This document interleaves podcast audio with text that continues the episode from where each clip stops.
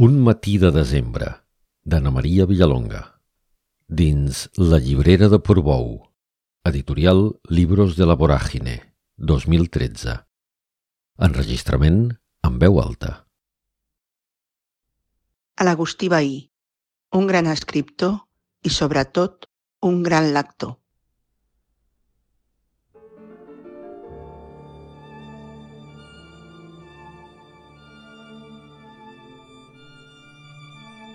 Al començament no li agradava gaire veure la llap al plantat ja de bon matí, quan ella arribava a iniciar la jornada.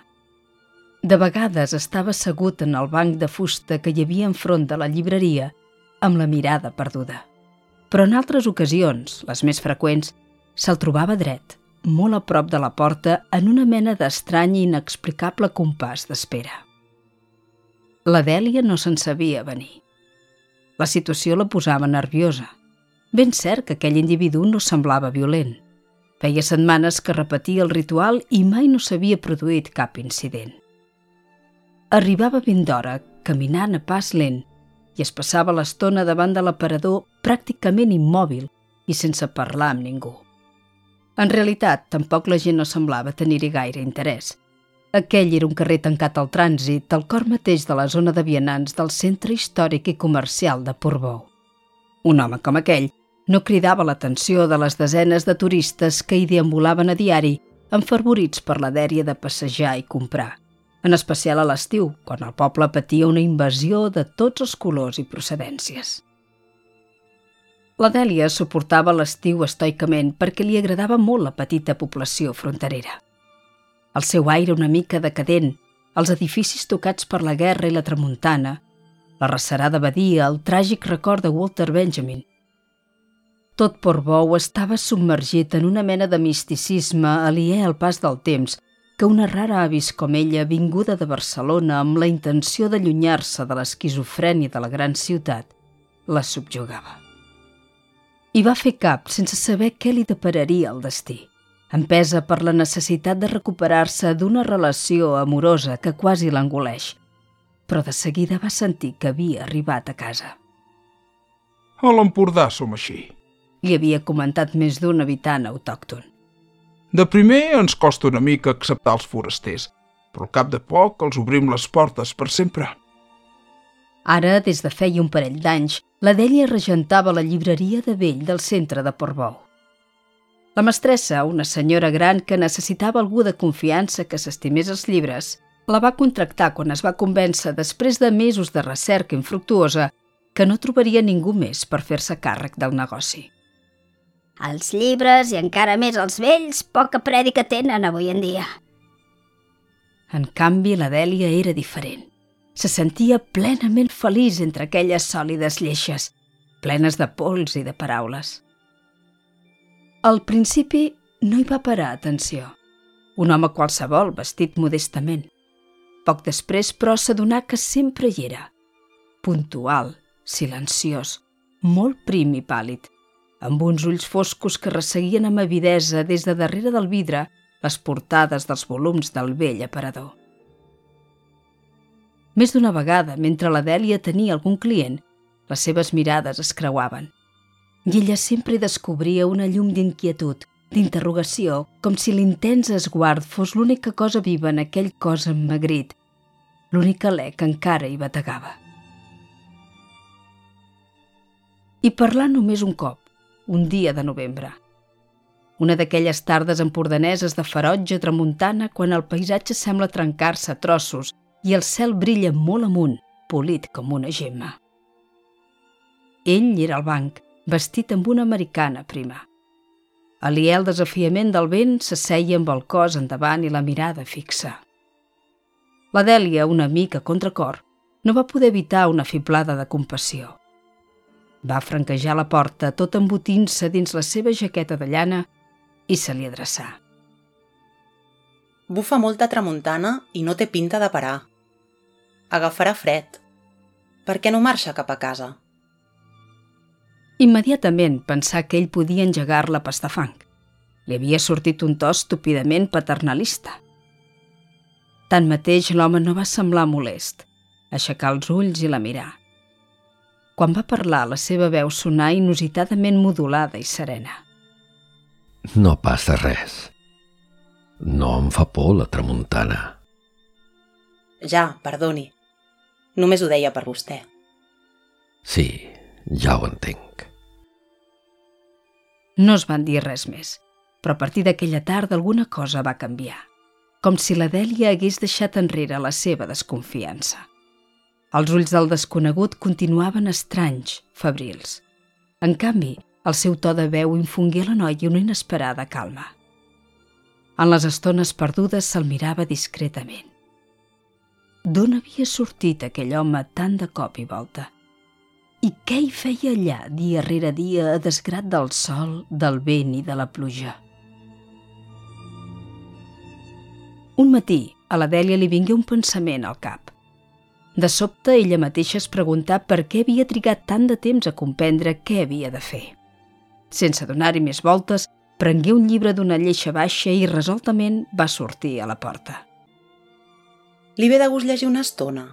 Va fer mentre li allargava una tronada edició amb tapa dura de solitud. L'esguard de l'home s'emplenà de llum. Va estirar la mà i en silenci agafar la novel·la amb una lleu tremolor dels dits. No van caldre les paraules. A partir d'aquell moment, la Dèlia se li acostava cada dia amb un volum entre les mans. I ell, amb un gest pausat, el prenia entre les seves amb delicadesa. S'asseia al banc i dedicava tota la jornada a la lectura.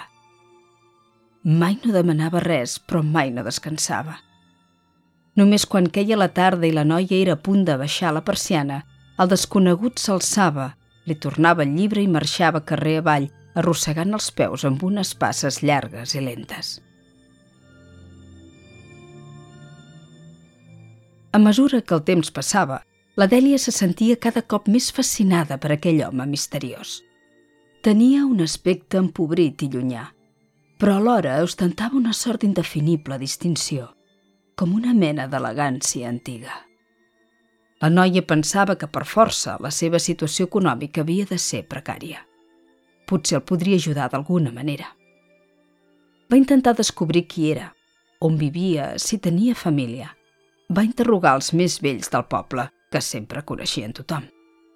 Però ningú no en sabia res d'aquell personatge que semblava un rodamont i que cada matí, quan la Dèlia arribava per obrir la botiga, continuava davant de l'aparador tan expectant com sempre – però cada vegada més prim i més empalidit, com una ombra que s'esborrava.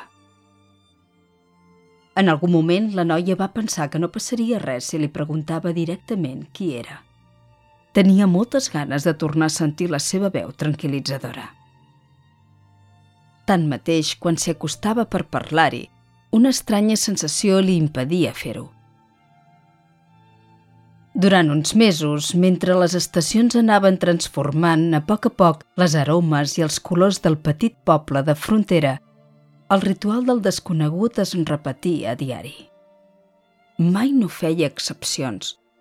Res no semblava sedegar la seva passió, com si volgués empassar-se agrupades tots els llibres del món, com si no hi hagués res més important que devorar ansiosament paraules i més paraules. La Dèlia es va acostumar a la seva presència i d'una manera estranya se sentia agradablement acompanyada. Quan arribava a la botiga sabia amb certesa que ell ja hi seria. Li agradava contemplar com acaronava els fulls dels llibres o com tornava enrere amb ulls d'atenció per rellegir un paràgraf. La tasca de triar-li les lectures es va convertir en una emocionant aventura. Abans de decidir-se, es passejava per la llibreria i resseguia els lloms dels volums calmosament, amb la voluntat d'oferir-li títols distints i engrescadors, una variada mostra de la literatura universal. Ell sempre aprovava silent la seva ofrena. La Dèlia va acabar acceptant que la relació amb aquell home només s'alimentava d'esguards i de llibres, d'intercanvis de pàgines que ella escollia cada cop amb més cura i que ell rebia amb un vel d'agraïment en la intensa mirada. Un fred matí de desembre, el desconegut no era a la porta. La Dèlia es va preocupar, però va intentar calmar-se pensant que només s'havia retardat. Al cap i a la fi la temperatura era molt baixa. Va recordar que les darreres setmanes l'havia trobat més envellit, més magre i lívid que mai. I va pensar que potser aquell dia tan gèlid i ventós havia decidit no venir. Quan la situació es repetia al llarg de tota la setmana, però, la noia no va poder amagar la seva inquietud tot intentant esbrinar alguna cosa, voltar pels carrers, preguntar a les botigues, donar veus a tort i a dret. Tothom a Portbou havia vist l'home que llegia, però ningú no en sabia res, ningú no en tenia la més mínima informació. A la Dèlia li semblà inexplicable. El poble era petit, la gent es coneixia. Resultava molt difícil guardar un secret a Portbou. I tanmateix aquell home hi havia passat com una ombra, com un miratge. Aquell matí de desembre el desconegut va desaparèixer tal com havia arribat. Es va fondre en el no-res, com si se l'hagués empassat la terra.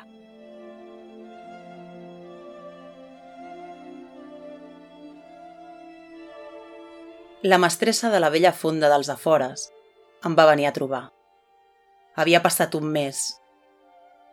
Em va dir que tenia la carta des del dia de la desgràcia però que se n'havia oblidat. Em va semblar imperdonable que algú pogués oblidar un encàrrec com aquell. Li vaig retreure amb la gola seca. Ella no em va respondre. Va deixar el sobre damunt del taulell i va sortir de la llibreria. Al sobre només hi deia a la llibretera de vell del carrer Gran. I a la carta, unes paraules. Poques. He sentit que et cridaven i que et deien Dèlia. És un nom molt bonic. Em sento vell i sé que estic malalt. I la vida aquí fora ja no sé com viure-la. Però abans no acabi tot, que serà ara, et volia agrair les teves atencions. Ets una noia bona i generosa Has aconseguit fer-me feliç en els meus darrers dies. Gràcies a tu me'n puc anar tranquil, sense aquella frisança que em devorava.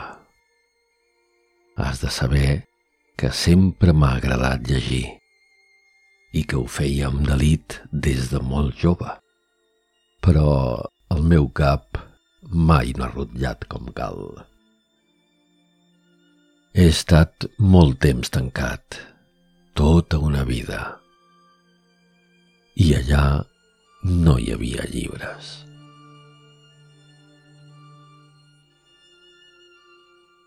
Abans de rebre la carta, la Dèlia ja n'havia sabut alguna cosa.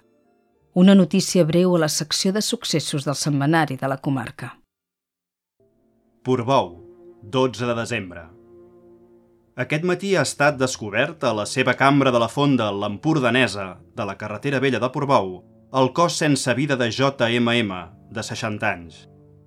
Segons informen els responsables dels Mossos d'Esquadra, les primeres hipòtesis apunten que JMM s'hauria suïcidat la mateixa matinada, penjant-se d'una de les vigues del sostre. A instàncies del jutge, el cadàver serà traslladat a Figueres per a l'autòpsia. Fa 18 mesos, JMM havia estat donat d'alta de la institució per a malalts mentals on havia passat la major part de la vida. Sembla que, a causa de reformes estructurals, resultava impossible mantenir tots els interns. Els metges que van autoritzar la seva sortida van considerar que JMM era inofensiu i que estava perfectament preparat per fer vida en un entorn social normalitzat.